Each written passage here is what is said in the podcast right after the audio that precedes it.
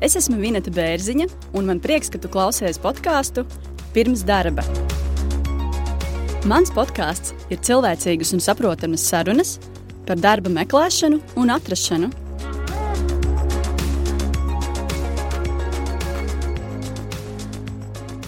Augusts. Pamazām visi atgriežas darbā. Arī podkāsts pēc divu nedēļu pauzes atgriežas ar savu otro sezonu.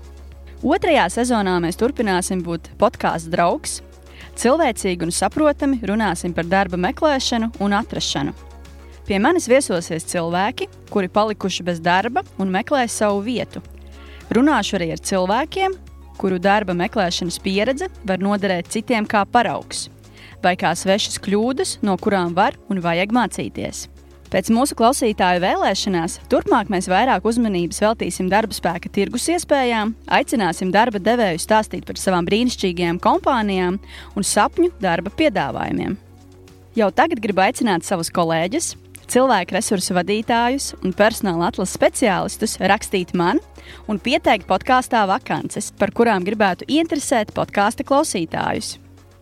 Podkāsta otrajā sezonā podkāstam ir jauns informatīvās sadarbības partneris - darba sludinājuma portāls Te ir darbs. Podkāsts jau tagad ir atrodams Te ir darbs mājaslapā un sociālajos tīklos, un kopā mums ir lieli plāni. Sekojiet jaunumiem!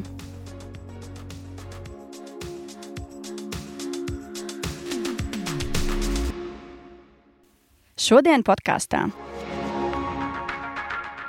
Māras darba gaitu līkloči No dizaina lampām, caur zivju tirgu, uz telemārketingu un rokdarbu studiju.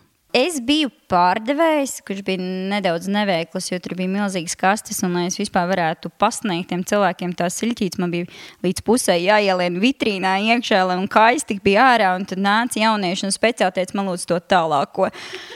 Un, bet es to darīju, tāpēc, ka, nu, kā es sēdēšu mammai vai savai otrai pusē uz kakla, nu, kā tas tagad būs. Tas bija ļoti spontāni. Es biju domājis par to situāciju, ka kaut kas dzīvē ir jāmaina, un jāmaina tā, nu, kardināli. Atnāca pie manis uh, draudzene ciemos, mēs dzērām vīnu, un viņi saka, nu, kā tev tur ar tiem darbiem? Es saku, nu, nu meklējās, meklējās. Bija 5 minūtes, zvans citai draudzenei, pēc 10 minūtēm viņa ir pie manis, dzeram vīnu, Un, uh, viņi sāk strādāt par šo kompāniju Baltu. Protams, bija dzirdējis, jo mums vēl vairākas draudzenes uh, strādā Baltā. Saruna ar Sandri Artemjevu par to, vai cilvēkam bez priekšzināšanām ir iespējas pusgada laikā iemācīties programmēt un tikt pie labi apmaksāta darba joprojām diezgan aktuāla problēma, cik esmu arī runājis ar dažādiem jauniešiem, ka nav tā, ka vidusskolā cilvēks saprot, eh, ko viņš īsti grib darīt. Un es noteikti nebiju no tiem gadījumiem, tāpēc es gāju mācīties. Es tā kā pilnīgi droši varu teikt, ka es vienkārši nometu piecus gadus zemē vispār. Biznesa modelis ir tāds, ka mēs ņemam mācīt cilvēkus, programmēt. Un, uh, ja cilvēks atrod darbu vismaz 1000 eiro uz rokas, viņš maksās 24 mēnešus, 20% no savas neto algas. Es tev arī attiecīgi 1000 eiro uz rokas. Ļoti bieži tie ir cilvēki ar augstāku izglītību. Aizgāja mācīties par juristu, aizgāja mācīties tur medicīnu, tāpēc ka mamma teica, aizgāja mācīties to, aizgāja mācīties to. Restīvi, nu, ir mums bijis finansists, kurš diezgan lielā uzņēmumā maksimāla alga 1300 eiro. Un tas tajā brīdī, kad ej mācīties eh, uz universitāti, to konkrēto svētku varbūt liekas daudz, bet kad saproti, ka tā tava alga būs gadiem darīs vienu to pašu monētu darbu un bez nekādām super daudz vietām, ko pamainīt. Tad, tad, protams, paliek bēdīgāk. Un tas ir viens. Ir mums kaut kādi studenti, kas ir nākuši, arī kas, ir mācīt, kas uh, dotajā brīdī mācās programmēšanu, teica, ka es aizgāju mācīties, un tur otrajā gadā vēl nāc neko normāli iemācījies.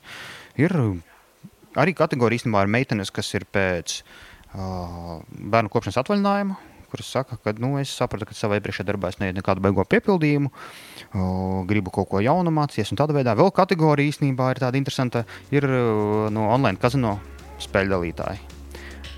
Kafijas krūze, ček, austiņas, ček, podkāsts, ček, aiziet uz darbu!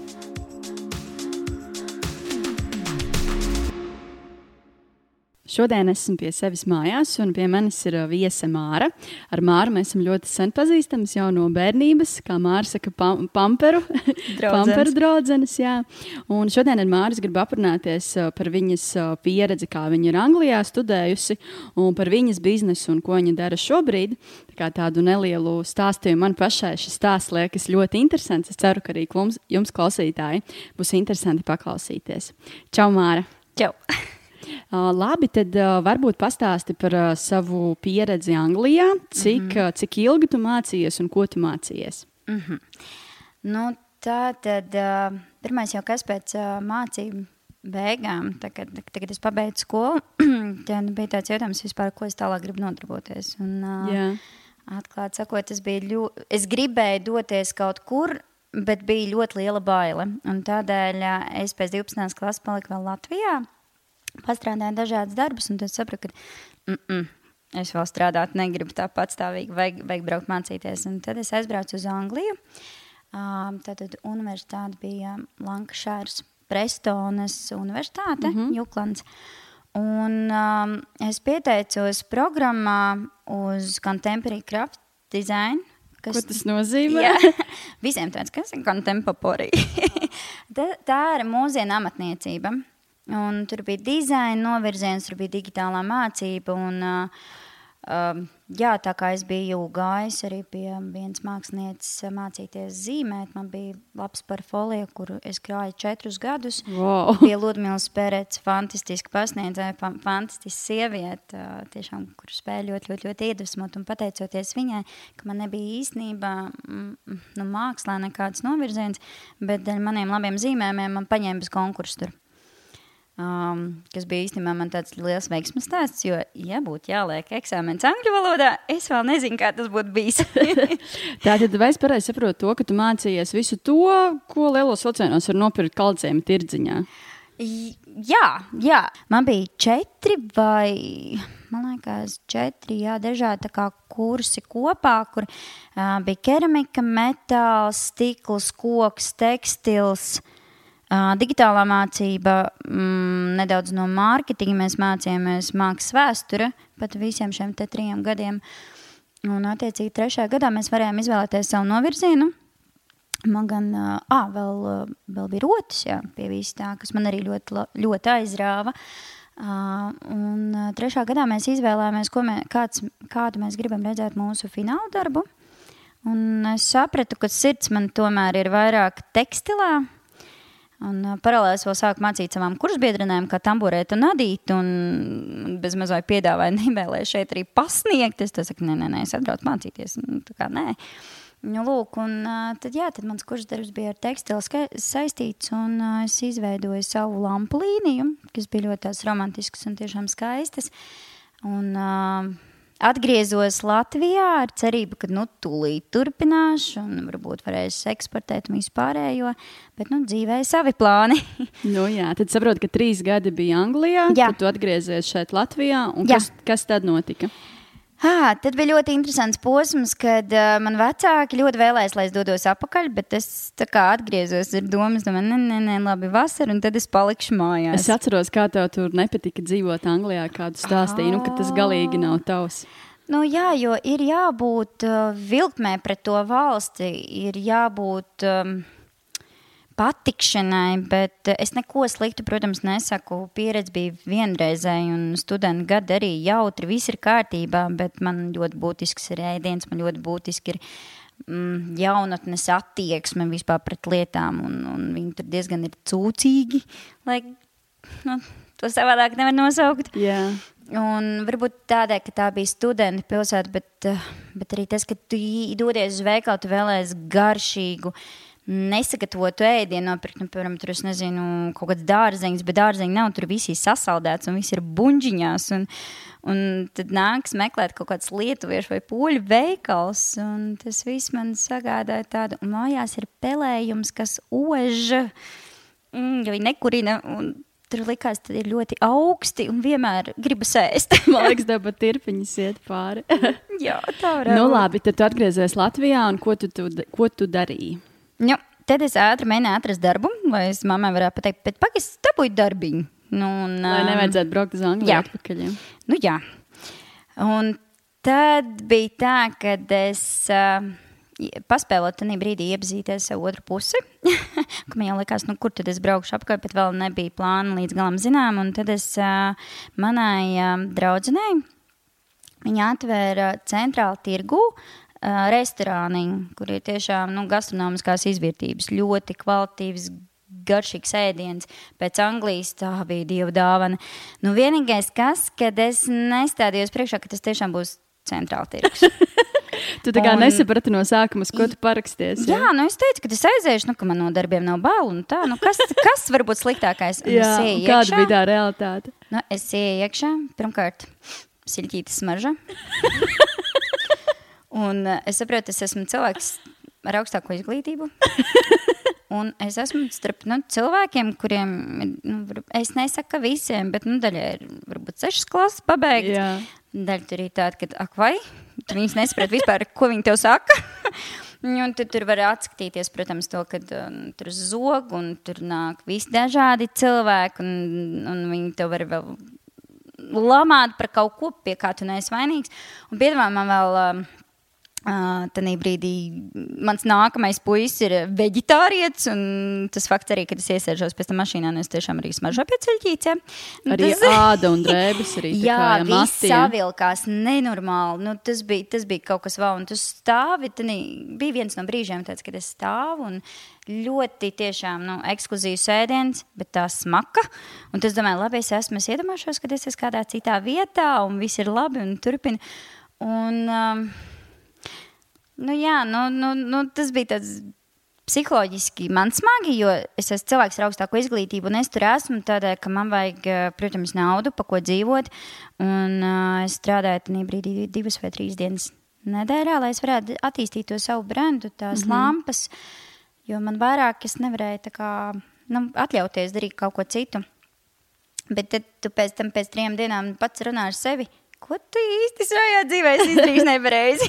Tad es uh, saprotu, es, nu jā, es pat īstenībā nesaprotu un nespēju iedomāties, kā tas ir, ka tu trīs gadus nomācījies kaut kur, Jā. tev ir droši vien kaut kādi mērķi, sapņi Jā. uzbūvēti. Tu atbrauc atpakaļ un tu ej ar savu iegūto augstāko izglītību, ar savu diplomu uz centrālu tirgu strādāt. Bet ko tu darīji? Pastāsti, kāds bija tavs amats un, un uh, ko, ko tu darīji tajā darbā? Es biju pārdevējs, kurš bija nedaudz neveikls, jo tur bija milzīgas kastes. Un, lai es vispār varētu pasniegt tiem cilvēkiem tās siļķītes, man bija līdz pusē jāielien vitrīnā iekšā, lai un kājas tik bija ārā. Un tad nāca jaunieši un speciāli teica, man lūdzu to tālāko.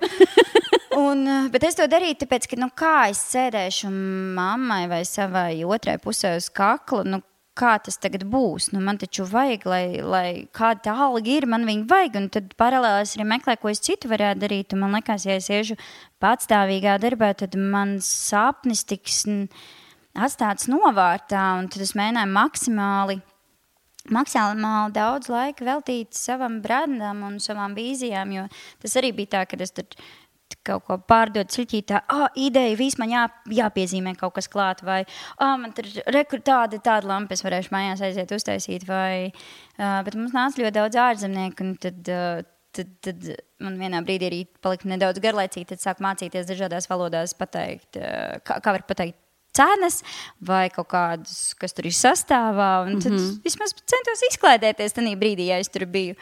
Tā kā pieredze ļoti interesanta tādā ziņā, ka neskati vīri no cepures, jo nāca cilvēki man klāt un domāja, ka man vismaz ir četri bērni, laikam, jo Jā. es, es esmu tādā vidē.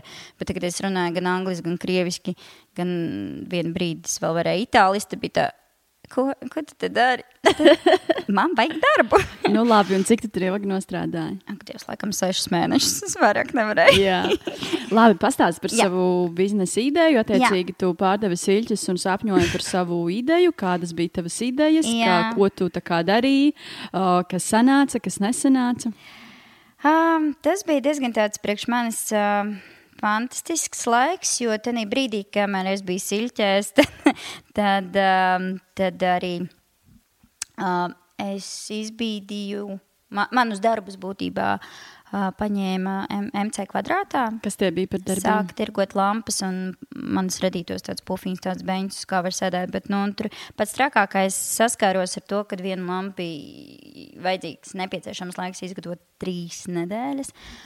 Tas bija tamborāts vai Tamborāts, tamborāts? jā, tamborāts, un viņas meta tādas fantastiskas, fantastiskas sēnu spēles uz sienām, un tad, uh, lai pufiņu es uztaisītu, tad man tas prasīja mēnesi vai pat vairāk, un tad, uh, tad viss, ko es darīju, bija no rīta līdz vakaram savā brīvdienā, es tamborēju un, un, un, un, un domāju par nākamo ideju, un kur es pirkšu dzīvu, un, un, un, un kur man dabūt karkasus, un tad es saskaros, ka, nu, tev ir jā...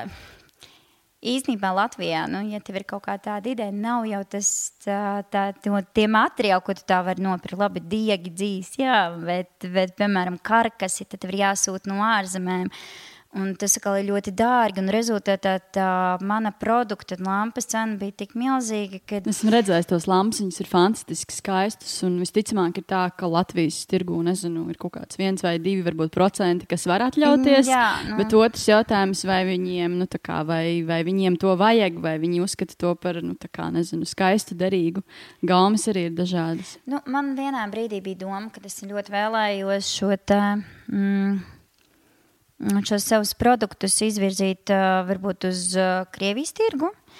Jo tur ir gan pirktspēja, gan, manuprāt, kaut kas vienkārši man asociējās ar to, ka varētu patikt. Bet tas arī nav tā vienkārši, ka tu ņēmi un izdomāji. Un tad, um, tad ir jābūt izstādēm, ir jābūt daudz, kur ir jāpiedalās, bet tam vienmēr ir apakšā finansējums. Un tad man bija jautājums, vai es izgatavošu jaunu produktu, vai es ieguldīšu maksimāli daudz naudas, lai es varētu dot uz, doties uz kādu no izstādēm.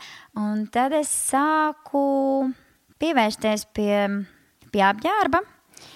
Un, uh, un sāku adīt rokām, rokadīt smēteļus un uh, tūniks. Un es atradu sadarbības partnerus, kur, uh, kur, kur, kur ar, tekstilniekiem. Tad tas bija ļoti interesanti un radoši. Un viņi arī stāstīja par viņu pieredzi, ne, nu, kā labāk, ko labāk darīt. Bet tā tāda vienmēr bakstīšanās arī īstenībā. Un, uh, pagāja laikam arī pusotras tajā visā.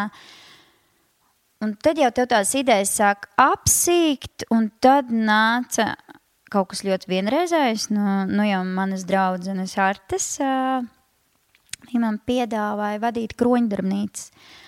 Un tajā brīdī man liekas, man vienkārši dzirksteli parādījās manī, ka es varbūt atkal nomainīju.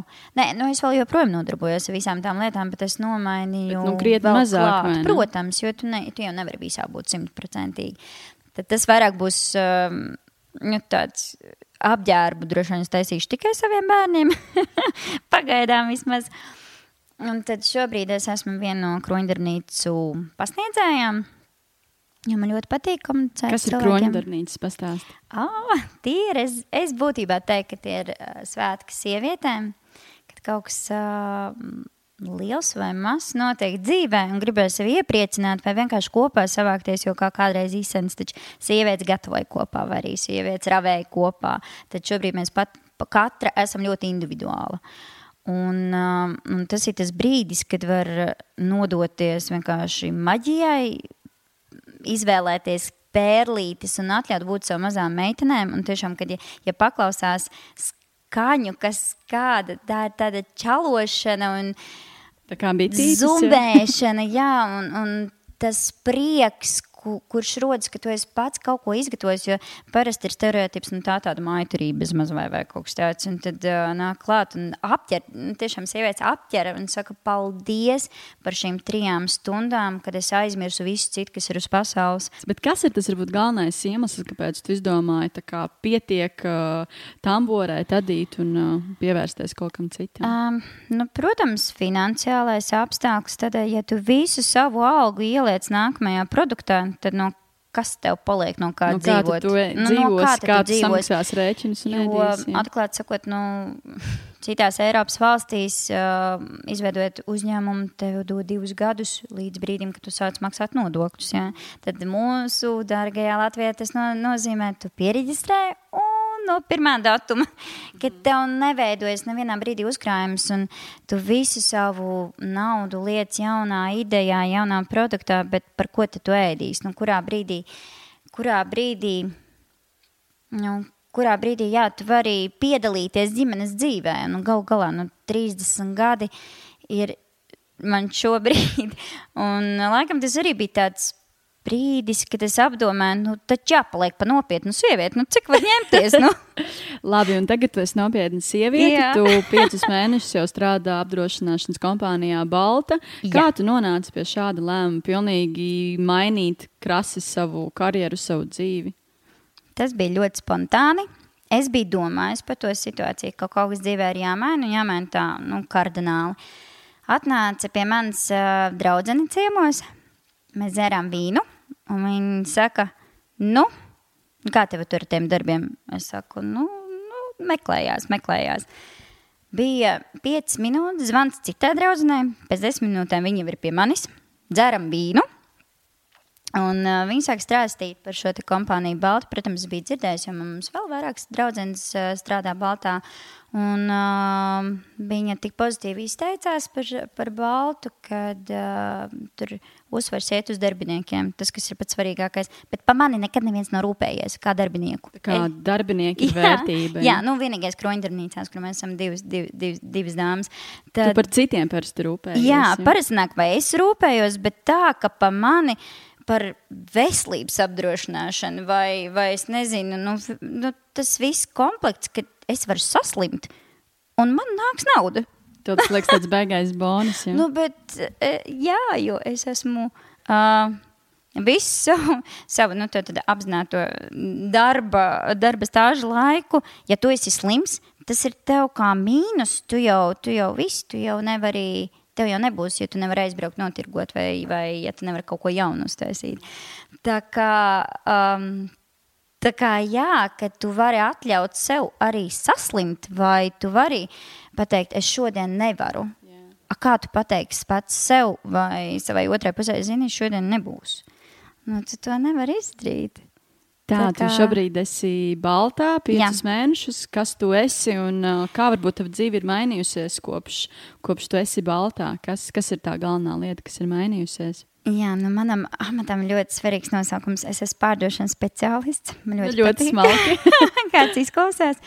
Um, Tātad dabā, jā, es pārdodu.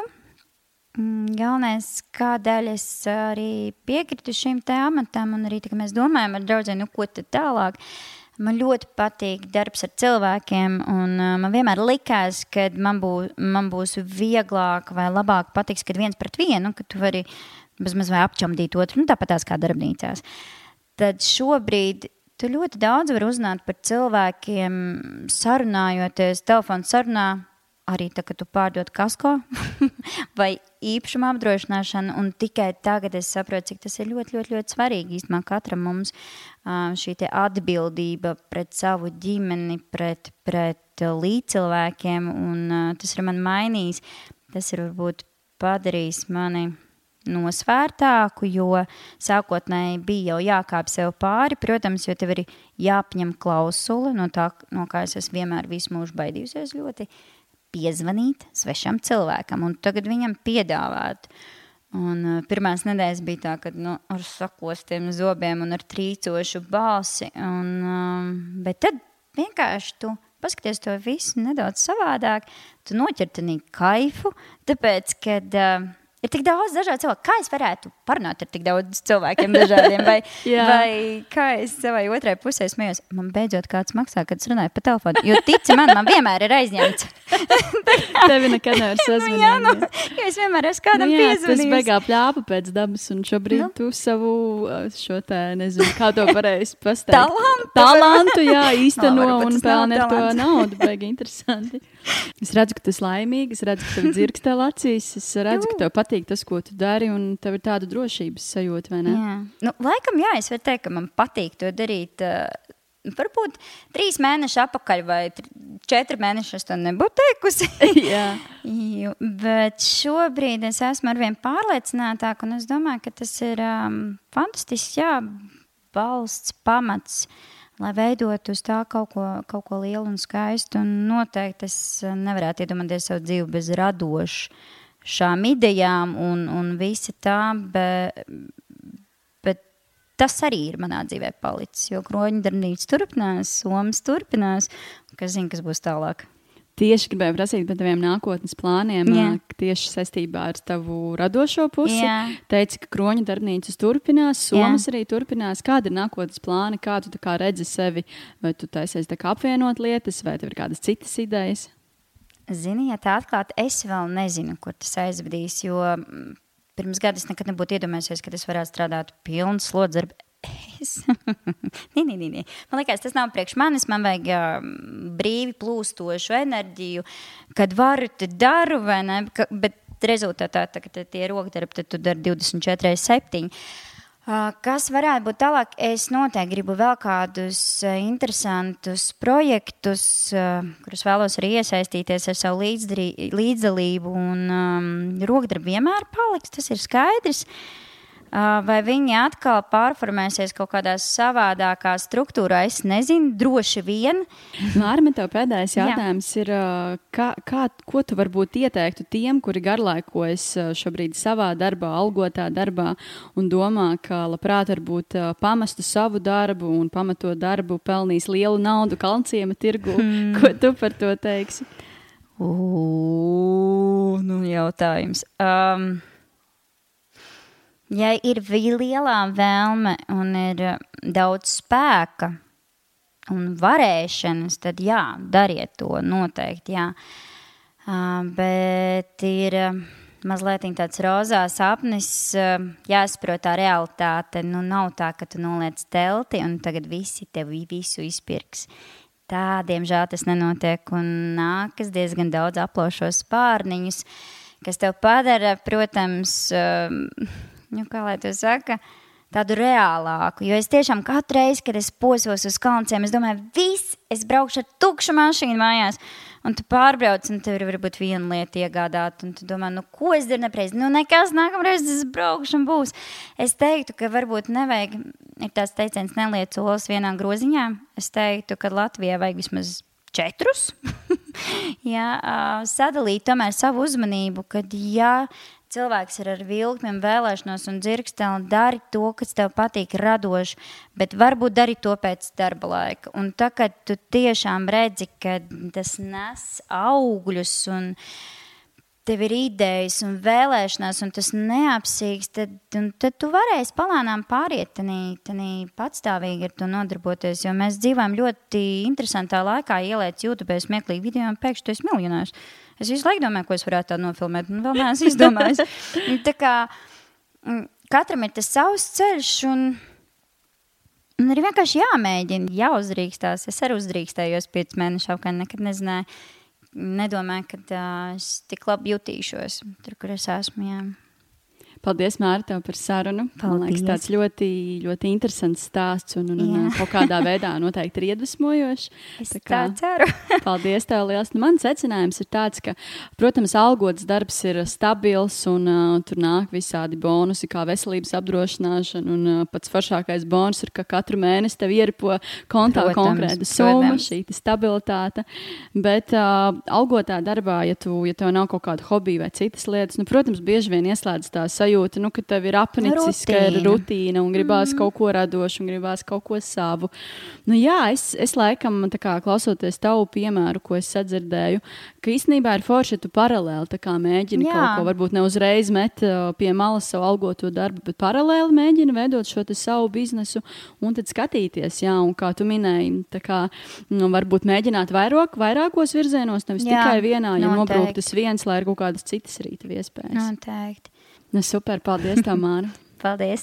Atā. Atā. Šī podkāstu epizode ir pusē. Uzpildām kafijas krūzi un turpinām sarunas. Sveiks, klausītāji! Šodien es sarunājos ar Sandru Artemjevu. Viņš ir Kodoleks programmēšanas kursu dibinātājs. Kā jau jūs zinat, Latvijā ir ļoti grūti ar IT resursiem, cilvēku resursiem, tīpaši programmētājiem. Viņš ir tas cilvēks, kurš ir atradis risinājumu, kā, kā radīt IT cilvēkus, kā radīt darba spēku Latvijā. Sveiks, Sandri! Sveika, Vineta! Uh, es vēlos, lai tu iepazīstini ar sevi klausītājus, vai tu vari, vari pastāstīt, uh, ka, kas tu esi, kā tu esi varbūt uh, sācis savu karjeru un iepazīstini sevi. Nu, tā baigi interesanti likās, ka tu saki, radis risinājumu problēmai ar programmētāju trūkumu. Es nezinu, vai es esmu radis risinājumu. Esmu iespējams atradis kaut kādu biznesa nišu, kas ir izdevīga visām iesaistītajām pusēm. Un, uh, es varbūt radis kā cilvēkus, kas vairs pārkvalificēties, iebīdīt tajā darba tirgu un papildus dot labumu, respektīvi, IT nozarei kopumā. Uh, par sevi pastāstot, nu jā, ir tā kā saka, es pats jau ilgus gadus programmēju. Es programēju, man šķiet, tagad kaut kādus 9, 10 gadus. Kaut kur 10, tas bija viņa paskaitīja. Ap 10 varētu jā. būt. Liekam, jau, jā. Un man bija tā, ka es mācīju programmēt jau vidusskolā. Biju, man, bija, man bija tāda vēlme uztaisīt vienu spēlīti Un es kā, meklēju, kā taisīt spēlīt, un tas kaut ko tur uh, vidusskolā jau man izdevās, un kaut kas arī sanāca. Pēc tam es to visu ideju paliku malā. Es pat īsti nezināju, ka ir tāda uh, profesija kā programmētājs, kas tur kā, iet un to dara. Man liekas, ka tā vienkārši kaut kāda spēlēšanās ir. Nu, jā, es gāju mācīties universitātē pat citu nesaistītu sfēru, un universitātes pēdējā kursā īstenībā sāku tādos pašos līdzīgos kursos, kā es dal, ņem dalību. Un tur mums toreiz bija tāds apmaksas modelis, ka tu mācies trīs mēnešus, noslēdz līgumu. Un, uh, ja viss ir kārtībā, pēc trīs mēnešiem, tad gads ir vienkārši jānostrādā. Tur pat diezgan zemu atalgojumu. Tos arī veiksmīgi izdarīju, un tā esmu tur pastrādāju dažādās, dažādos uzņēmumos, galvenokārt finansu sfērā. Tas tā kā sadzirdēja, ka tu diezgan ātri jau vidusskolā saprati, kas tev interesē. Šī te, kā izveidot, cik saprotu, spēli uh, dat datorspēli. Jā, nu, tā, tā pat īstenībā nebija datorspēle, tā bija tā tāda maza weblapiņa ar spēles elementiem. Tas nebija nekas apjomīgs. Bet nevarētu teikt, ka man interesēja, ka es zināju, ka es sapratu, kas man interesē. Jo es līdz 12. klasē, un arī 12. klasē pat īsti nezināju, kas, manuprāt, ir. Joprojām diezgan aktuāla problēma, cik esmu arī runājis ar dažādiem jauniešiem, ka nav tā, ka vidusskolā cilvēks saprot, ko viņš īsti grib darīt. Un es noteikti nebiju no tiem gadījumiem, tāpēc es gāju mācīties. Es tā kā pilnīgi droši varu teikt, ka es vienkārši nometu piecus gadus zemē vispār nesaistītā profesijā, kas man likās, ka būs laba forša un prestiža. Un, uh, tur varēs arī kaut ko nopelnīt, un realitātē pēc pieciem gadiem to piedāvāja strādāt minimālu algu. Es vidusskolā pamēģināju programmēt, un es sapratu, ka man tas patika process. Bet, bet ko kā saka, tu vēl kaut kā neaizdomājies par jā, to, ka tu varētu pali, to darīt malā uz kaut kādiem 4-5 gadiem, tā kā vispār aizmirsu. Un pēc tam vēlreiz tā kā sāku, un tad jau man bija kaut kādas tās saknes palikušas no tā visa. Nu, es arī vidusskolā nezināju, ko, ko, darīt, ko darīt ar savu dzīvi un, un kur iet mācīties. Vai es pareizi saklausīju, ka tas, ko tu mācījies, tas jau bija aizvē, aizvēsturisks? Jā, īsa atbildē, jā, universitāte. Visi materiāli, nu, mums bija arī programmēšana īstenībā universitātē. Un es atceros, ka mums stāstīja, nu, jums programmēšana nebūs vajadzīga, bet jums vajag zināt, uh, ja pie jums nāks kaut kādi tur eh, IT speciālisti, vai tas piedāvājums, ko viņi piedāvā, ir atbilstošs tai summai. Un ko mēs tur mācījāmies programmēt? Tā kā mums vienkārši bija melns ekrāns, un mēs tur eh, Pitagora teorēmu kā uzrakstīt konsolē. nu, tagad, ja salīdzinu ar to, ko es šodien daru, ko mēs tur jā. mācām cilvēciņiem darīt, tas tā kā vispār, vispār, vispār nav saistīts. Un, nu, tā programma, kurā mēs programmējām, bija, liekas, Sotās Paskals. Tas ir, varbūt samulēšu, bet kaut kāds 87. gada. Nu, tā kā rēķinies 2009. gadā, laikam, gāju universitātē, mācījāmies 20 gadu vecu valodu. Kā, nu, tas vienkārši nu, mana pieredze ar augstāku izglītību. Varbūt man vienkārši ļoti nepaveicās Bet nu, kopumā, cik arī runājot ar cilvēkiem, kas nāk pie mums mācīties, kas un kā, nu, ļoti, ļoti daudz kas ir vienkārši, manuprāt, kredītpunktu aizpildīšana. Un es nesaku, ka augstākā izglītība ir slikta. Manuprāt, tā ir ļoti laba, bet mēs kaut kā, man liekas, Latvijas kontekstā ļoti atpaliekam no tā, kā būtu jābūt pareizi. Jā, jautājums tāds, kāpēc Latvijas augstskolas nemāca mūsdienīgu informāciju? Jo esmu ļoti daudz dzirdējis no studentiem, ir tīpaši tādās nu, Latvijas uh, lielākajās standarta pēdiņās augstskolās, kur studenti saka, man tur māca aizvēsturiskas lietas. Uh, bet uh, tā pat ir tikai viena daļa no problēmas. Jo otra daļa ir tāda, ka nu, ar to pašu, ko mēs jau runājām, ka vidusskolā cilvēks pat īsti nezina, ko viņš grib darīt. Man teiksim, teica, ka uh, tur uzņēmējdarbība ir forša, iešu mācīties uzņēmējdarbību. Viņš aiziet, izmācās, tu tā kā neiemācīs tur uztaisīt, nezinu, tur miljarda kompāniju vai ko. Uh, Un, uh, tagad, cik es esmu palasījis arī par izglītību, Somijā, ja nemaldos, ir diezgan foršs tāds Piemērs viņam izglītība ir bez maksas, ir noteikts arī kvotas augstākajai izglītībai konkrētās specialitātēs, bet tur ir tā, ka, lai maksimāli kvalitīvi tās kvotas aizpildītu, ar katru, kas nāk mācīties, ar viņu arī tikai taisa interviju. Kāpēc tu gribi nākt mācīties par juristu? Un tad pastāsti, lai saprastu, ka cilvēkam tiešām ir interese uz to sfēru un ka viņš ir motivēts un no tā būs kaut kāda jēga. Nē, es mums tur, ah, jā, arī juristiem budžeta vietas, es aiziešu tur pamācīties, tāpēc, ka man neko citu nepaņēma. Un pēc tam tas cilvēks arī pazūd vienkārši. Mm -hmm. Es arī nedaudz gribu pieskarties tavai darba pieredzē. Tu minēji finanšu sfēru. Kāpēc tieši finanšu sfērā tu strādā kā programmētājs? Kas tur ir tik interesants? Manuprāt, un ko es arī vienmēr visiem, kas mācās pirms tīpaši programmēt, saku, ka palielina no beigām atšķirība, kur strādās. O, jo tā var būt finanses sfēra, kurā tu strādā, tā var būt. O, Es pat nezinu, kas Latvijā valsts ir tik ļoti attīstīts, jo galvenokārt tikai finanses sfēra. Man gribētu teikt, datorspēles, bet šeit tas nebūs. Tā kā Latvijā mums datorspēļu kompānijas ir ļoti maz.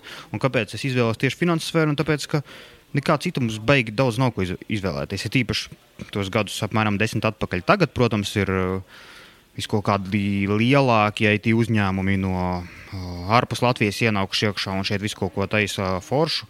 Ir visādi lieli uzņēmumi, kas apkopo arī citus nefinanses sfērā, bet, nu, ja mēs skatāmies uz uzņēmumiem, kuri taisa paši priekš sevis produktu. Restīvi, man vienmēr interesējuši tādu, lai mēs būtu atbildīgi par savu produktu, lai mums interesētu uzturēt viņu kvalitīvu, nevis maksimāli ātri kādam kaut ko uztaisīt un pārdot. Un tāpēc ir sakritis tā, ka finanses nozara būtībā Latvijā ir vispateicīgākā gan apmaksas ziņā, gan darba apstākļu ziņā, gan arī tie kā, uzņēmuma vadītāji, vai nezinu, kā nosaukt viņu, jo ieinteresēti visā tajā kvalitātē. Un jo kvalitīvāk vidi apkārt, jo vieglāk augt. Man arī ļoti interesanti ir tas, ka tu šobrīd esi kā, šis kursu dibinātājs, mentors arī un, un kursu vadītājs.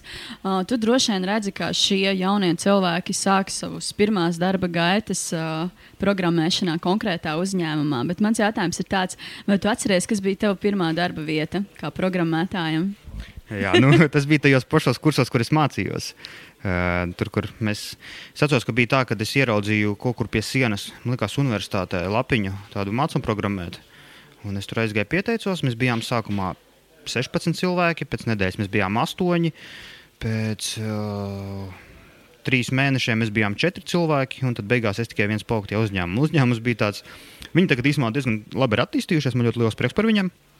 Bet uzņēmums bija reāli datorspēles. Man tā kā pašam personīgi datorspēles neinteresē. Un man bija, un, bija tā, ka es nevisai labi mācīju runāt krievu valodā. Es apmēram mācīju, bet es sen nebiju to darījis. Tas uzņēmums bija kā krievu čaļi. Tur bija kaut kādi seši, septiņi. Man bija mans mentors, ar kuru ar kur es kopā strādāju, un kurš galvenokārt arī var, varētu teikt viņam paldies, ka viņš man tik daudz ko iemācīja. Bet viņš ļoti bieži nebija uz vietas. Man bija tā, ka es gāju uz darbu. Man ļoti viss patika, bet komanda bija tāda, ar kuras nu visai varēja komunicēt, jo viņi runāja citā valodā. Viņi, viņiem visiem bija uh, datorspēļu niknējumi, kā otrs, viņi viens otru sauc. Viņi laikam teica, kāds ir tavējs? Es saku, bet es tā kā nespēju datorspēles, man neinteresē. Man, jā, nu, bet nu, pieredze bija ļoti forša. Es arī godīgi visu izdarīju gadu pie viņiem nostrādāju, pēc tam teicu, ka meklēšu darbu kā citur. Un, jā, un es arī esmu bijis pieņemts ar ciemos parunāties.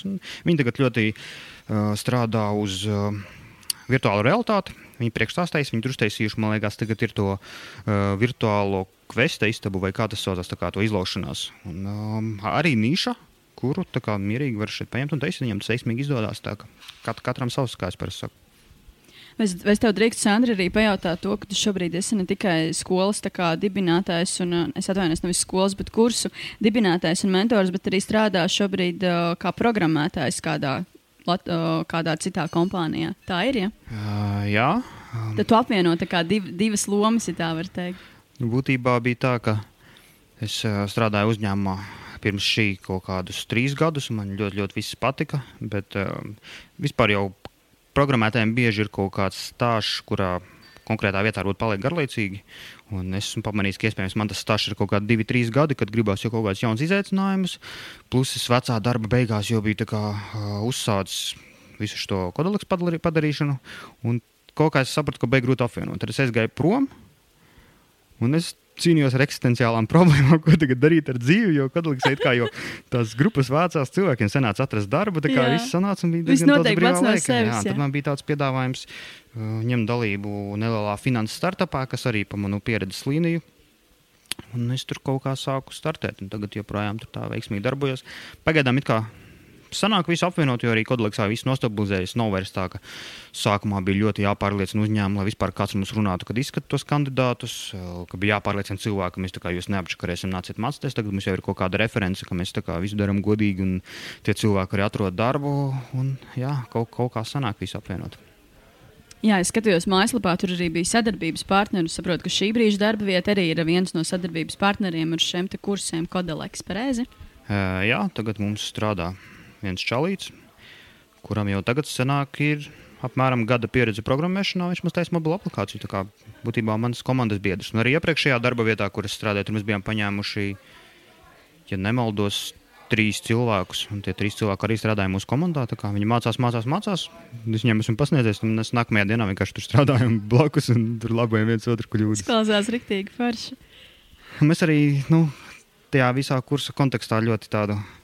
Uh, cilvēcību, ne cilvēcību, bet tādu komunas attieksmi arī mēģinām būvēt. Nu, kad mums ir čats, kurā mēs slikti runājam, mēs visu kaut kādā tur joks viens otram sūtām, un tur vispār pa sfēru vai arī kaut kāds jautājums, ah, man tad darbā nesanāk, un aizbraucam kaut kur atpūsties kopā. Tā, ka, Mēs jau neesam tur liela augstskola, kam tur ir tūkstoši cilvēku izlaidums gadā. Mēs esam tāda neliela cilvēku grupa, kas jau ļoti daudzos uzņēmumos safiltrējušies. Mēs tur visu kaut ko runājam un zinām, jau pat kas arī notiek darba tirgu. Ir jau, ir jau vecie cilvēki, kas ir divu, ne, nu jā, pusotru gadu pieredze darbā, un ir ar viņiem ko parunāties. Tā kā tāda sava veida komunija. Jā, jā, tā arī sanāk. Kā ar programmēšanas valodām, kas, kas šobrīd ir tādas sajošākās? PHP, Java. Kobol, esat tādu dzirdējis? Pasaka vēlreiz, lūdzu. Kobol. Nē, nē, esmu gan kaut kas jauns.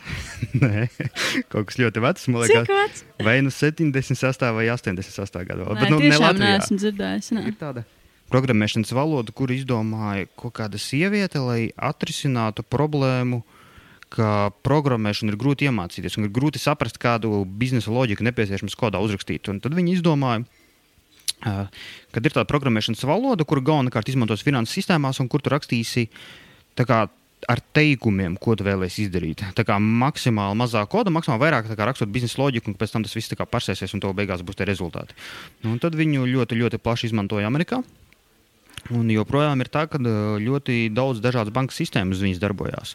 Bet kur ir problēma? Problēma ir tajā, ka lielākoties izstrā, viņu izstrādātāji ir vai nu miruši, vai arī pensijā, tāpēc, ka viņi ir veci. Yeah. Un, ja pačakosiet, kādas bija problēmas Amerikā tajā pašā Covid uzplaiksnījuma sākumā ļoti daudz cilvēku nevarēja dabūt bezdarbnieku pabalstus. Un kāpēc viņi nevarēja dabūt bezdarbnieku pabalstus? Tāpēc, ka tās sistēmas neturēja tik lielu slodzi ar tik daudz cilvēkiem, kas pieteicās. Un tā kā vajadzētu atrast programmētājs, kas var palīdzēt, kur viņus atradīs, ja tā valoda ir 40 gadus veca. wow. Tāpēc atbildot to jautājumu, kas pieprasītākais Amerikā, vienā brīdī pieprasītākais bija Kobola, un joprojām tā kā nevar. Un uh, tagad pat kaut kas tur ir vai Microsoft vai Google, var, varbūt kaut kas cits bija izlaiduši arī tur eh, pārkvalificējies uz, eh, nu, esi pazaudējis darbu, pārkvalificējies uz kobola programmētāju. Nevienam to īsti negribās darīt. A, tu pats kādā valodā šobrīd programmē? Man primārā kopš, kopš iemācījos bija Java, bet nu, es arī tur drusku frontend un, un tādas lietas arī kaut ko daros. Bet Latvijā atbildot par pieprasītāko, ļoti dažādi. Pēdējā laikā Microsoft produkti iet uh, vairāk pieprasīti, cik var novērot ļoti daudziem uzņēmumiem. PHP vienmēr arī stabils pieprasījums. Javai tā, man liekas, sezonāli vairāk staigā. Frontendam arī ļoti daudz darba. Plus arī, kas tagad no visas uh, vīrusu lietas ir tas, ka uh, remotā un ļoti daudz uzņēmumi skatās uz Lat nevis uzņēmumu, bet uh, no, vairā, no, ār, no vietām ārpus Latvijas skatās uz darbiniekiem šeit, kā arī darbinieki šeit. Ir tīpaši daudz, kur pazaudējuši darbu, saka, un tik daudz visādas iespējas apkārt, ar kuras varbūt nestrādāšu no oficiālā vairāk, bet strādāšu citur. Līdz ar to sāk ļoti miksēties, visi izlīdzināties arī geogrāfiski. Sandra, varbūt vari pastāstīt par uh, kodoleks idejas izcelsmi, kā, kā tas radās? Tas jau, tas jau nav nekas tāds baigi jauns, varbūt. Jo man liekas, ka iespējams Anglijā jau vairākus gadus darbojas kaut kāds noteikts virziens augstākajā izglītībā, vai kaut kas tamlīdzīgs, ka tas ir jā, valsts jā, garants, jā. ka ja tu aizies strādāt specialitāti un atrodi darbu, tad sāksi maksāt tikai pie konkrēta kā, soļa savā algā. Un, man, cik, cik šobrīd jau šķiet, ņemot vērā, ka tā, tur Harvarda pateica, ka mums būs visu gadu online nodarbības, un kā Udemī kurs 50 dolāri, Harvardas kurs tur 50 tūkstoši dolāri. Varbūt arī saistībā ar visām pārmaiņām pēc vīrusa. Iespējams, ka ļoti liela daļa izglītības aizies uz tādu modeli. Jo, nu... Iespējams, jā. Nu, jā, tu minēji Angliju, jā, man draudzene mācījās Anglijā. uh, trīs gadus, un tur bija tā, ka jā, tu trīs gadus mācījies bez maksas, pēc tam, ja tu atrodi darbu nozarē, un ja tev alga ir tik un tik, tad tu sāc atmaksāt šo te, nu, to, to naudu, ko tev sponsorē augstskola. Uh, tas tā ir interesanti, bet, protams, nianses ir tāda, ka tev ir, tā kā, nu, jās, tev ir kā jāatskaitās visu laiku šim, šai augstskolai, ko tu, ko tu dari, cik tu saņem. Nu, kā, tu neesi īsti nu, kā, brīvs, tev ir saistības tomēr. Nu, jā, bet tas. Uh... Pirmkārt, no biznesa viedokļa tas ir pilnīgi pareizi. Nevar, nevar mācīt cilvēkus prieka pēc, un kā, ko, ko tu pats pēc tam ēdīsi, ja arī tādā augstskolas kontekstā. Bet uh, lielākie iegūmi tomēr redzu atbildību pašā cilvēka pusē. Nu, tad, ja, ja cilvēkam tiek teikts, ka tu uzņemies saistības šādā veidā, tad iespējams viņš to lēmumu veiks apdomīgāk. Nevis es tur aizgāju mācīties, tāpēc, ka tur bija budžeta vieta pieejama. Un tad skaidrs, es trīs reizes izvērtēšu, ka es gribētu mācīties to specialitāti, jo es tur arī gribēšu strādāt. Un tas kā, arī abām pusēm ir iegūms, protams. Vai tu vari vienā teikumā noformulēt uh, Kodeleks biznesa modeli? Uh, biznesa modelis ir tāds, ka mēs ņemam mācīt cilvēkus, programmēt. Un, uh, ja cilvēks atrod darbu vismaz 1000 eiro uz rokas, viņš maksās 24 mēnešus, 20% no savas neto algas. Es tev arī attiecīgi 1000 eiro uz rokas. Un tas arī ir viss biznesa modelis. Tad tajā brīdī, es atvainojos, ka pārtraucu, tajā brīdī, kad viņš atrod šo darbu, kad viņam ir alga 1500 neto, 1000, 1000 uz rokas neto. 1000 uz mm -hmm. rokas. Tāda divus gadus ir uh, jāmaksā 20% no algas. Jā, tieši tā. Mm -hmm. Un uh, te arī cilvēki jau dalās vairākās grupās, kuri saka, oi, tas ir tik dārgi, tur tādā veidā. Bet nu, pirmkārt, mēs to visu mēģinām izdarīt apmēram trīs mēnešos. Restīvi, mūsu tā klātienes mm, nodarbību laiks, termiņš ir trīs mēneši. Un uh, pēc trīs mēnešiem tur reāli var kā, da, dažos gadījumos cilvēki tur divkāršo savu algu, kā viņiem bija iepriekš. Nu, attiecīgi, protams, samaksās vairāk, bet samaksās tikai tādā gadījumā, ja tev būs rezultāts. Un citi saka, oi, nē, tur baigi dārgi. Es aiziešu tev uz kursiem, kas Facebookā reklamēs, kas man piedāvā četras valodas iemācīties sešu nedēļu laikā par 1000 eiro. Un viņi aiziet. Un pēc tam nāk vēlreiz pieteikties. Nu, jā, es tur kaut ko pamācījos. Un, tā, nu, tieši tā, restī, mēs uzņemamies risku. Būtībā es personīgi veicu investīciju tajā cilvēkā, ka mēs tev iemācīsim programmēt. Tu maksās tikai tad, ja mēs to izdarīsim labi. Attiecīgi, tā es novērtēju savu laiku. Ja tev nepatīk, nu es savu laiku nevaru vērtēt zemāk, tāpēc, ja tev kaut kas nepatīk. O, nu, ja kāds cits vērtē zemāk, varbūt viņam nebūs attiecīgais rezultāts. Un tad aiziet samaksāt priekšapmaksu, bet tādos uh, kursos, un tas ir arī kā viss, kas mums šeit notiek, man liekas, ir ar vairāku gadu nobīdi, kā notiek Amerikā. Bet no, podkāstos arī var palasīt, par, paklausīties par to, kā grib uztaisīt super pelnošu biznesu, taisīt programmēšanas bootcampu. Un Amerikā tāds bootcamps maksā, man liekas, kaut ko 30, 40 tūkstoši. Cilvēks atnāk, samaksā tā naudu, un tajā brīdī tava atbildība beigusies. Tā kā, kad tu saņemsi rēķina apmaksu, atbildība ir beigusies, un cilvēks ir pēc tam iet atpakaļ, nezinu, strādāt par pavāru vai, vai nu, es, es nesaku, nesaku ka pavāri ir slikti, bet, nu, attiecīgi, iet uz savu iepriekšējo darbu. Un viss, mūsu atbildība beidzas tikai tajā brīdī, kad cilvēks sāk strādāt. Līdz ar to uh, summas ir attiecīgas, bet var parēķināt.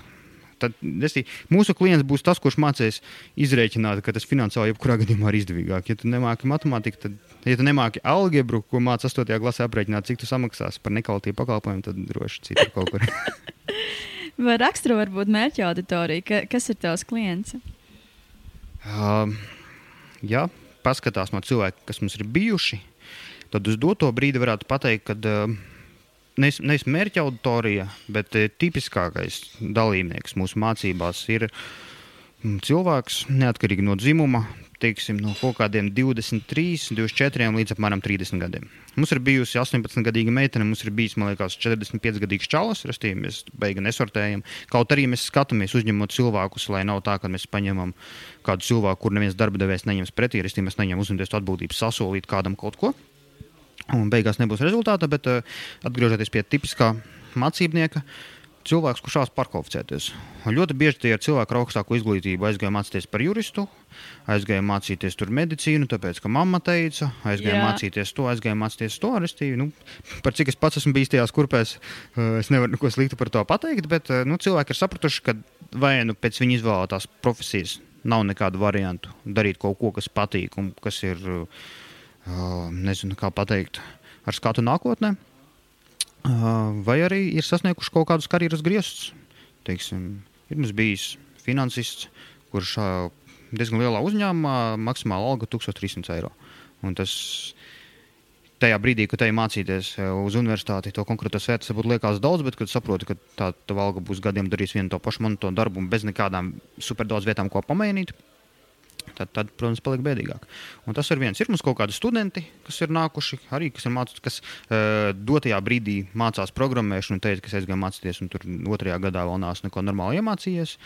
Ir arī kategorija īstenībā ir meitenes, kas ir pēc uh, bērnu kopšanas atvaļinājuma, kuras saka, ka nu, es sapratu, ka savā iepriekšējā darbā es neietu nekādu beigo piepildījumu, o, gribu kaut ko jaunu mācīties. Tādā veidā vēl kategorija īstenībā ir tāda interesanta, ir no online kazino spēļu dalītāji.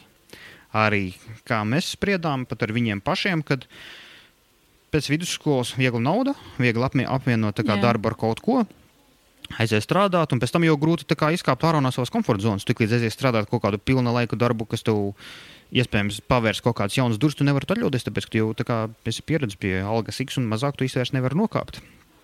Un, jā, nu, un vēl kaut kāda daļa arī ir tie cilvēki, ko, ko es minēju, kas samaksājuši kaut kur jau kādās citās vietās, kur mācīties programmējuši, apl aplauzušies, un tie mums kaut kādi 25% varbūt pat sastāda.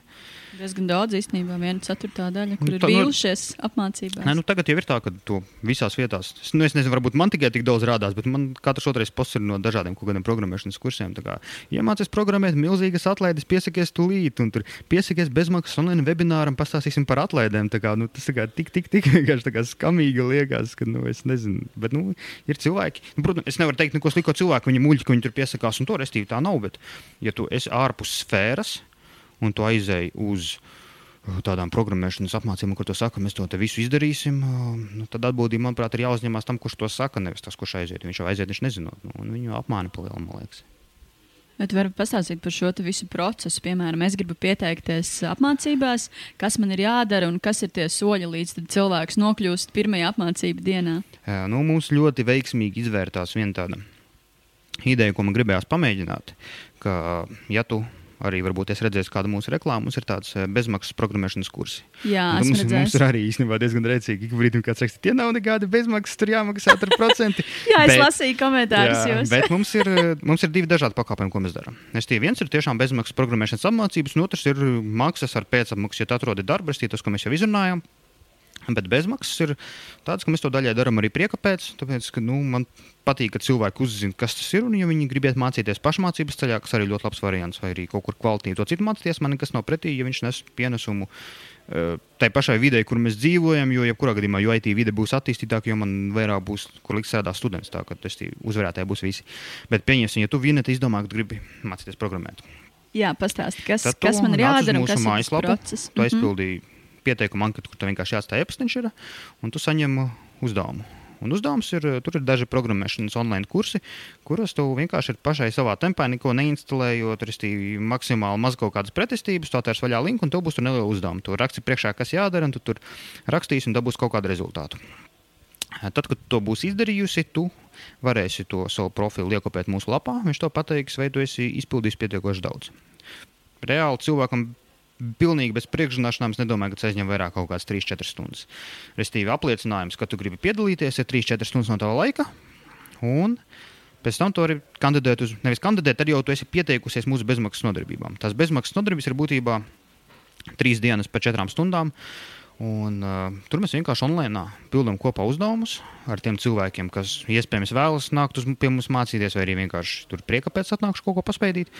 Un, uh, tad mēs tās trīs dienas mācāmies. Ja viss ir forši, un ja tev vinetēji tur viss patika, un tu izdomā, ka gribi turpināt, tad mēs to piedāvājam parunāties, drusku saprast, kāpēc tu gribi mācīties, un kāda ir tava mērķa, un cik labi tu vispār saproti to, ko tu darīsi. Ja tu varēsi apmēram paskaidrot, ja mēs vienkārši plānosim, uz kuru grupu tu nāc mācīties. Tā kā tāda intervija. Jā, tieši tā. Nu, un ir tā, ka, uh, pēdējās nodarbībās mums reāli ir. Mēs tā mēģinām viņus taisīt apmēram reizi mēnesī. Mums ir tā, ka apmēram 50 cilvēki ir nodarbībās online. Tas gan daudz, un, wow. Uh, jā, un tā kā tagad viņi reāli arī paliek vairāk, jo ļoti daudz cilvēku arī piesakās. Nu, tur mājaslapā ir jāstāj arī punkts, uh, kā tu uzzināji par kodoleksu. Kā kāpj ļoti daudz tas, ka draugs pateica, draugs pateica, draugs pateica.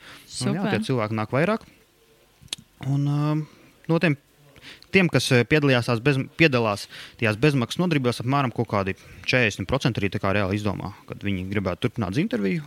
Un kā mēs paši arī sakām, ka nu, ja tu saprati, ka tev nepatīk, mēs esam ļoti priecīgi, jo tu neiztērēji naudu, tu neiztērēji četrus gadus universitātē, lai saprastu, ka tev nepatīk. Tu veltīji dažas stundas mājās, paklausies, ko mēs stāstām, un saprati, ka tas nav priekš tevis. Jo reāli bija cilvēki, kuriem saka, paldies, viss ritīgi bija forši, bet saprati, ka nav priekš manis. Stīvi, mēs esam tikai stārā. Ja kāds izdomā, ka viņam patīk, bet mēs esam par dārgu, vai arī tie visi nosacījumi, vai kas tur nepatīk, mēs arī esam priecīgi. Mēs tev iemācījām kaut ko jaunu, varbūt izstāstīs kādam citam, ka viss bija baigts forši. Un, um, ja viss patīk, tad mēs vienojamies par to, kādā veidā mēs varam turpināt. Un tad, attiecīgi, kā mēs to saucam, sākās elle, kad tu nāc uz mācībām. Jo visiem ir uzstādījums, ka ja jūs nākat, tad jūs nākat. Arī tie nebūs ar līdz pieciem sēžu darbā, un pēc tam atnāku pasēdēt vakarā, paklausīties, ko jūs darat. Visiem ir uzstādījums, ka nu, tu nāc 24, 7, respektīvi, tu ej prom no darba, tu sakārto savu finanses tā, lai tu vari kādu laiku iz, kā izdzīvot, kamēr tu mācīsies, kamēr tu meklēsi darbu. Mēs nevaram ietekmēt darba tirgus sezonalitātes, mēs nevaram paredzēt, ka uznāks Covid, ka būs lēnāk visa darba meklēšana. Es tev ir jābūt iespēja izdzīvot. Uh, un, jā, un tad mums ir apmēram kaut kādas 15 stundas klātienē nedēļā, un visu pārējo laiku tur cilvēki ar sarkanām acīm pilda mājas darbus. Tad ir bijuši tādi gadījumi, ka es saku, nu, re, kur ir dažādi uzņēmumi mājas darbi, kas jums ir sasūtīti. Tur viens čalīts pats bija visu kaut kur pieteicis. Viņam bija septiņi mājas darbi iedot, kas viņam jāpild, lai kandidāts programmēšanas pozīcijām. Yeah. Tad es biju aizgājis pie viņiem, kā ciemās pārbaudīt mājas darbus. Un tas čalis saka, ka rītīgi neizgājis. Es saku, nu reāli es nevaru. Nu, mums šeit priekš kursiem tik daudz ir jādara. Vēl tie uzņēmumi mājas, tad reāli man nav laika gulēt. Tā kā, nu, ko es varu? Mēs, nu, kā, mēs visiem to sakam, tas arī mūsu moto. Mums nav nevienam uh, vēlams pateikt, ka, nu, nāc, rekur, uh, tikai lūdzu parakstiet tur līgumu un uzņemies saistības, un tad viss būs forši. Mēs visiem sakam, tu reāli, ja tu tikai gribi nākt, tu mācīsies. Un, ja tu, gribi rezultātu, rezultāts būs atkarīgs tieši no tā, cik daudz tu mācījies. Nevienam neko nemelojot, un pie mūsu auditorija ir reāli tie cilvēki, kas saprot, ka nu, tas, ko tu pats liksi sev galvā iekšā, to arī dabūs ārā. Nevis mēs tev ar karotu iemācīsim kaut ko tur programmēt. Kas ir nepieciešams, lai varētu nu, sākt to darīt? Noteikti jaudīgs dators, interneta pieslēgums, kas, kas vēl? Um, es nesen lasīju rakstu par akliem programmētājiem. Viņiem tā kā nav monitoru. Tā kā pa lielam man liekas, ka nekas nav nepieciešams. Jo ar datoru eh, ir tā, ka dators mēs nodrošinām vajadzības gadījumā. Ir, oh, yeah? jā, nu, mums ir savi datori, kas, protams, nav tur super mega krūtie, bet ar pietiekoši, lai to arī normāli programmētu.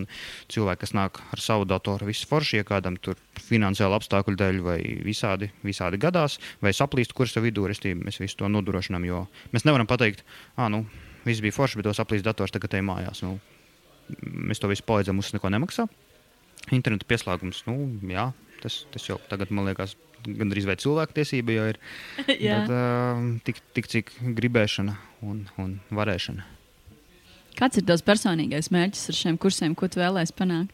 Sākumā man likās, ka es gribu apmācīt 50 cilvēkus. Tāpēc man ļoti patīk tā sajūta, ka cilvēks atrod darbu. Un viņš ir pateicīgs. Es zinu, ka es viņam esmu nodrošinājis, kā, iespējams, viņa nodarbošanās visai dzīvē, ja viņam tas tik ļoti patiks. Viņš vienmēr nesīs kaut, kaut ko no manis iespējams tālāk. Un man liekas, ka pēc 50 cilvēkiem vajadzētu apstāties, bet tagad mums jau ir kaut kādi 65 varbūt cilvēki, kas atraduši darbu. Šobrīd pat nav īsti laikam, mērķis. Šobrīd mērķis ir dabūt, dabūt mūs visur. Laikam. Tā kā mērķis ir cilvēkiem kaut ko iemācīt. Jo, nu, kas man nepatīk, ir tas, ka nu, Latvijā, ja paskatās to visu IT, viņš ir tik ļoti uh, man liekas, neattīstīts vēl tādos tā bērnu autiņos. Jo, ja paskatās, kas notiek tur Ķīnā, Sanfrancisko un visādās mm, augsti attīstītās uh, tehnoloģiju valstīs, kā Latvija ir tik, tik ļoti tālu no tā visa, visi tikai runā, o, jā, mums te tas un tas jādara, bet nu, realitātē jau tie darbi ļoti bieži atpaliek no vārdiem, tie cilvēki, kā kā, kā nav, tā nav. Jo nu, viss šī ideja man arī būtībā aizsākās no tā, ka es pats ļoti bieži biju amatos, kad vajadzēja meklēt darbiniekus, un tos darbiniekus reāli nevar atrast. Un tie, kas ir ārpusē, viņi pat nesaprot, cik, re, cik nevar atrast. Ir tā, ka skatos iepriekšējā darba vietā, mēs taisījām tādu akciju. Man liekas, ka tas nereāli strādās. Es tur pārliecināju vadību. Nu, un, uh, akcija bija tāda, ka es vienmēr esmu domājis, ka man gribētos kaut ko nopirkt foršu, un tas foršais bija drons. Bet dronam man tā kā žēl iztērēt naudu. Uh, Jo nu, tas ir viņa vienīgais, varbūt tikai politiski. Bet es labprāt piedalītos kaut kur, kur viņi droši var vinnēt. Un tad mēs uztaisījām tādu akciju. uh, izpildu uzņēmumu mājas darbu. Tiem, kas varbūt uh, nezina, uh, IT uzņēmumi bieži taisa tāds mājas darbs, kas ir kaut kāda dažu stundu uzdevums, lai tu pierādītu savas zināšanas, rakstot kaut kādu kodu gabalu. Uh, un mūsu uzdevums bija tāds: izpildi mājas darbu, atnāc uz interviju, un tu piedalīsies drona izlozē. Drons maksāja, man liekas, kaut kādā 1500 eiro. Tad bija tieši iznācis tāds viens jauns foršs modelis. Jā. Un pa pusotru mēnesi, kad domā, cik daudz pieteikumu bija? Nu, viens vai divi. Nulle. Nu, mēs jau gribējām teikt, nulli, bet būtu Neviens. pārāk negatīvi. tā kā reāli nulle pieteikumu. Tik ļoti nav cilvēku. Ka, uh, it īpaši, ja iet runa par kaut kādu uzņēmumu, kurš nav visās vietās, tur ziņās, un tur vēl nes, kur, par kur viņš nerunā, vai kur no tur super, nezinu, tur Facebooka saknes vai vienalga kas. Nu, Parasts uzņēmums, kurš nodarbojas, nezinu, sfēra, pieņemsim, apdrošināšana, kurai ir arī ļoti liela uh, IT darbinieku bāze, nu, viņam ļoti, ļoti, ļoti grūti atrast kvalificētu darba spēku. Kaut kādā veidā tas ir jārisina savādāk. Man liekas, ka mēs drīz būsim trešās pasaules valsts, ja kaut kādā Ķīna tur atklās mākslīgo intelektu. Mēs te pat, pat īfiņus pareizi kodā nemākam uzrakstīt ļoti daudz joprojām. Nu, jā. Es tā saklausu, ka mums īstenībā, nu, varbūt man nepiekritīsi, ka mums ir līdzīgas profesijas. kādā, kādā ziņā? Tādā ziņā, ka tu palīdzi cilvēkiem atrast darbu, un, un es īstenībā kaut ko līdzīgu daru. Tā kā palīdzi cilvēkiem atrast darbu, iekārtoju viņus. Tā tas, jau, tas jau tas pats ir, jo uh, tas, ko ļoti daudz cilvēku. Tu esi programmētājs. Es, ja godīgi, sevi mazāk jau sāku uztvert par programmētāju. Tāpēc, ka, ko es esmu sapratis īstenībā, tīpaši kaut kādos pēdējos divos, trīs gados, ka man laikam nevis patīk programmēt, bet man patīk kaut ko taisīt. Un man patīk kaut ko veidot. Un vienkārši programmēšana ir tas, ar ko tu vieglāk vari sniegt. Jo man, es to zinu, ka man ļoti patiktu teiksim, būvēt mašīnas vai kaut ko ar rokām taisīt tādas lietas. Vienkārši tas ir tik ļoti ierobežojoši un prasa tik daudz resursu. Es Latvijā nevarēšu aiziet strādāt tur, nezinu, BMW vai Audi rūpnīcu. Tāpēc, mums nekā tāda nav. Tāpēc programmēšana ir tuvākais, ko radošs cilvēks, it īpaši ar tādām tehniskām noslēdzēm, varētu darīt. Bet uh, atgriežoties par to, ka palīdzam atrast darbu, tas ir tas, ko ļoti daudz cilvēku nenovērtē visā mūsu kodolīgas lietiņā. Ir tas, ka nav tā, ka mēs tev pamācām programmēt un dodies pasaulē, un mēs gaidīsim, ka tu mums pateiksi, ka tu atradīsi darbu. Tas, ko es konkrēti daru gandrīz katru dienu. Es komunicēju ar dažādiem uzņēmumiem.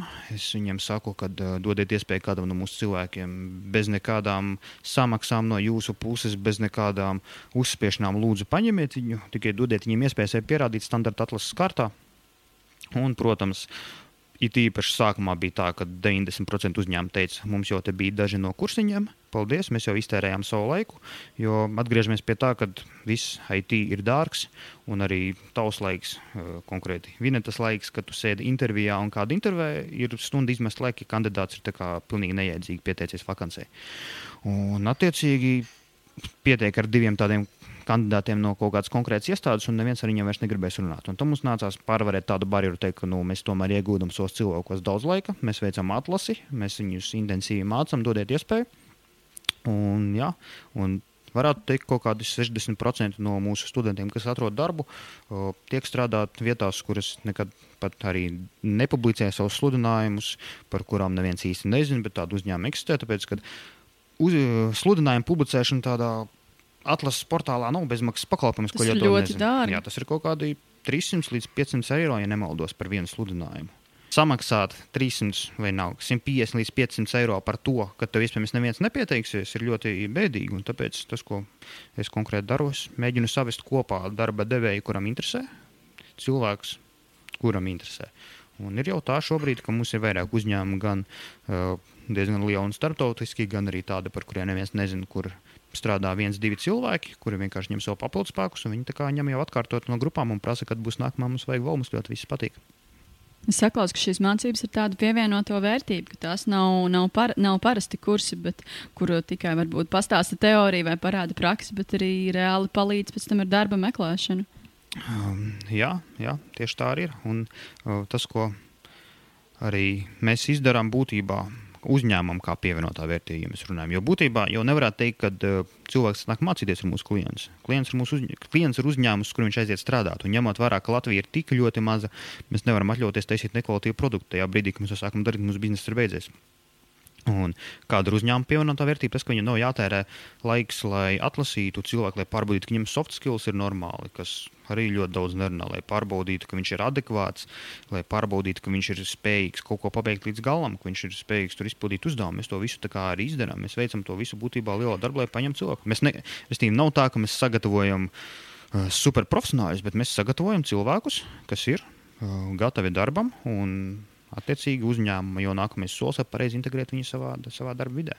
Sandra, paldies par šodienas sarunu. Mēs noteikti vēl paturpināsim kādu citu reizi, jo ir tik interesanti, ka sajūta, ka varētu stundām runāt. Vismaz man, nezinu, kā tev. Tāpēc, ka mēs esam no vienas sfēras būtībā. tu varbūt, jā. Uh, Sandra, varbūt uh, pastāsti, kā klausītājs, uh, kuram varbūt ieinteresē šis, kā viņš var pieteikties.